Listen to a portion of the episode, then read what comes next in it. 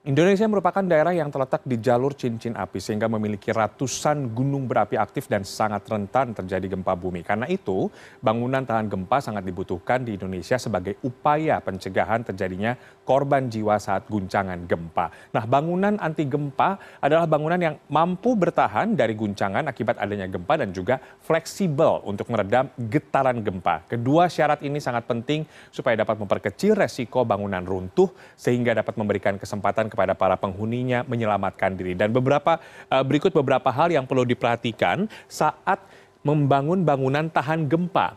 Yang pertama adalah struktur bangunan harus sederhana. Konstruksi bangunan tahan gempa adalah bangunan yang bisa merespon gempa, terutama bisa bertahan atau juga bisa meredam dari getaran gempa ya uh, bertahan dari keruntuhan dan bersifat fleksibel untuk meredam getaran gempa. Struktur bangunan yang sederhana, kemudian juga kompak, tidak ribet begitu ya, tidak kompleks dan juga simetris memiliki kemampuan menahan beban yang lebih besar dibandingkan dengan bangunan yang memiliki struktur lebih kompleks. Hal ini menjadi tantangan bagi para arsitek dan juga desainer bangunan karena harus mampu menyeimbangkan antara estetika dengan fungsinya sebagai bangunan yang tahan gempa. Kemudian, apa saja sih yang diperlukan sebagai struktur paling bawah? Nah, ini dia. Pondasi adalah bangunan uh, uh, struktur yang paling penting karena berada di paling bawah untuk menyalurkan beban ke tanah. Oleh karena itu pondasi wajib dibuat dalam tanah keras dan juga stabil dengan minimal kedalaman 60 hingga 75 cm.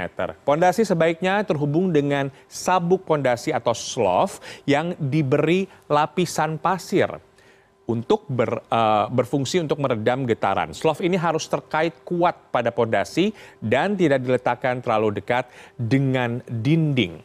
Selanjutnya kita lihat setelah pondasi kuat apa yang harus diperhatikan yaitu bahan bangunan yang harus memiliki beban yang ringan. Tadi kalau uh, dilaporkan oleh rekan kami di lapangan uh, struktur kayu di sana ternyata juga banyak yang rubuh. Ternyata itu tidak menjamin bahwa bangunan akan tetap berdiri kokoh pada saat gempa. Tadi selain pondasi, juga bobot bangunan yang ringan.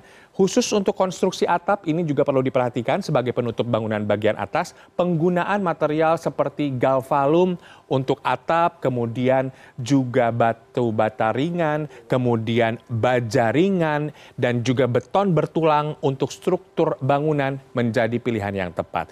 Jadi bangunan dengan material yang lebih berat ini akan menimbulkan resiko runtuh yang lebih besar saat terjadi gempa bumi. Jadi tidak hanya struktur kayu atau bahan bangunan e, berbahan dasar kayu saja yang diperhatikan. Kemudian selanjutnya adalah dibangun secara monolit. Apa itu? Struktur beton bertulang merupakan struktur yang paling banyak digunakan atau dibangun dibandingkan dengan jenis struktur yang lainnya. Jadi struktur beton bertulang ini lebih murah dan lebih monolit dibandingkan dengan struktur baja maupun struktur komposit. Apa itu monolit?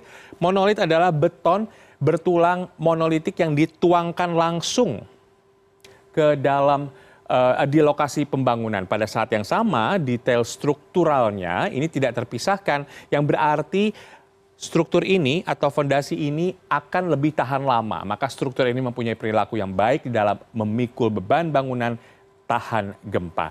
Dan yang terakhir, ketika kita membangun uh, bangunan tahan gempa yang perlu diperhatikan adalah tinggi bangunan. Sebaiknya tinggi bangunan tidak melebihi 4 kali lebar bangunan dan denah bangunan juga sebaiknya sederhana berbentuk lingkaran atau hanya segi empat saja.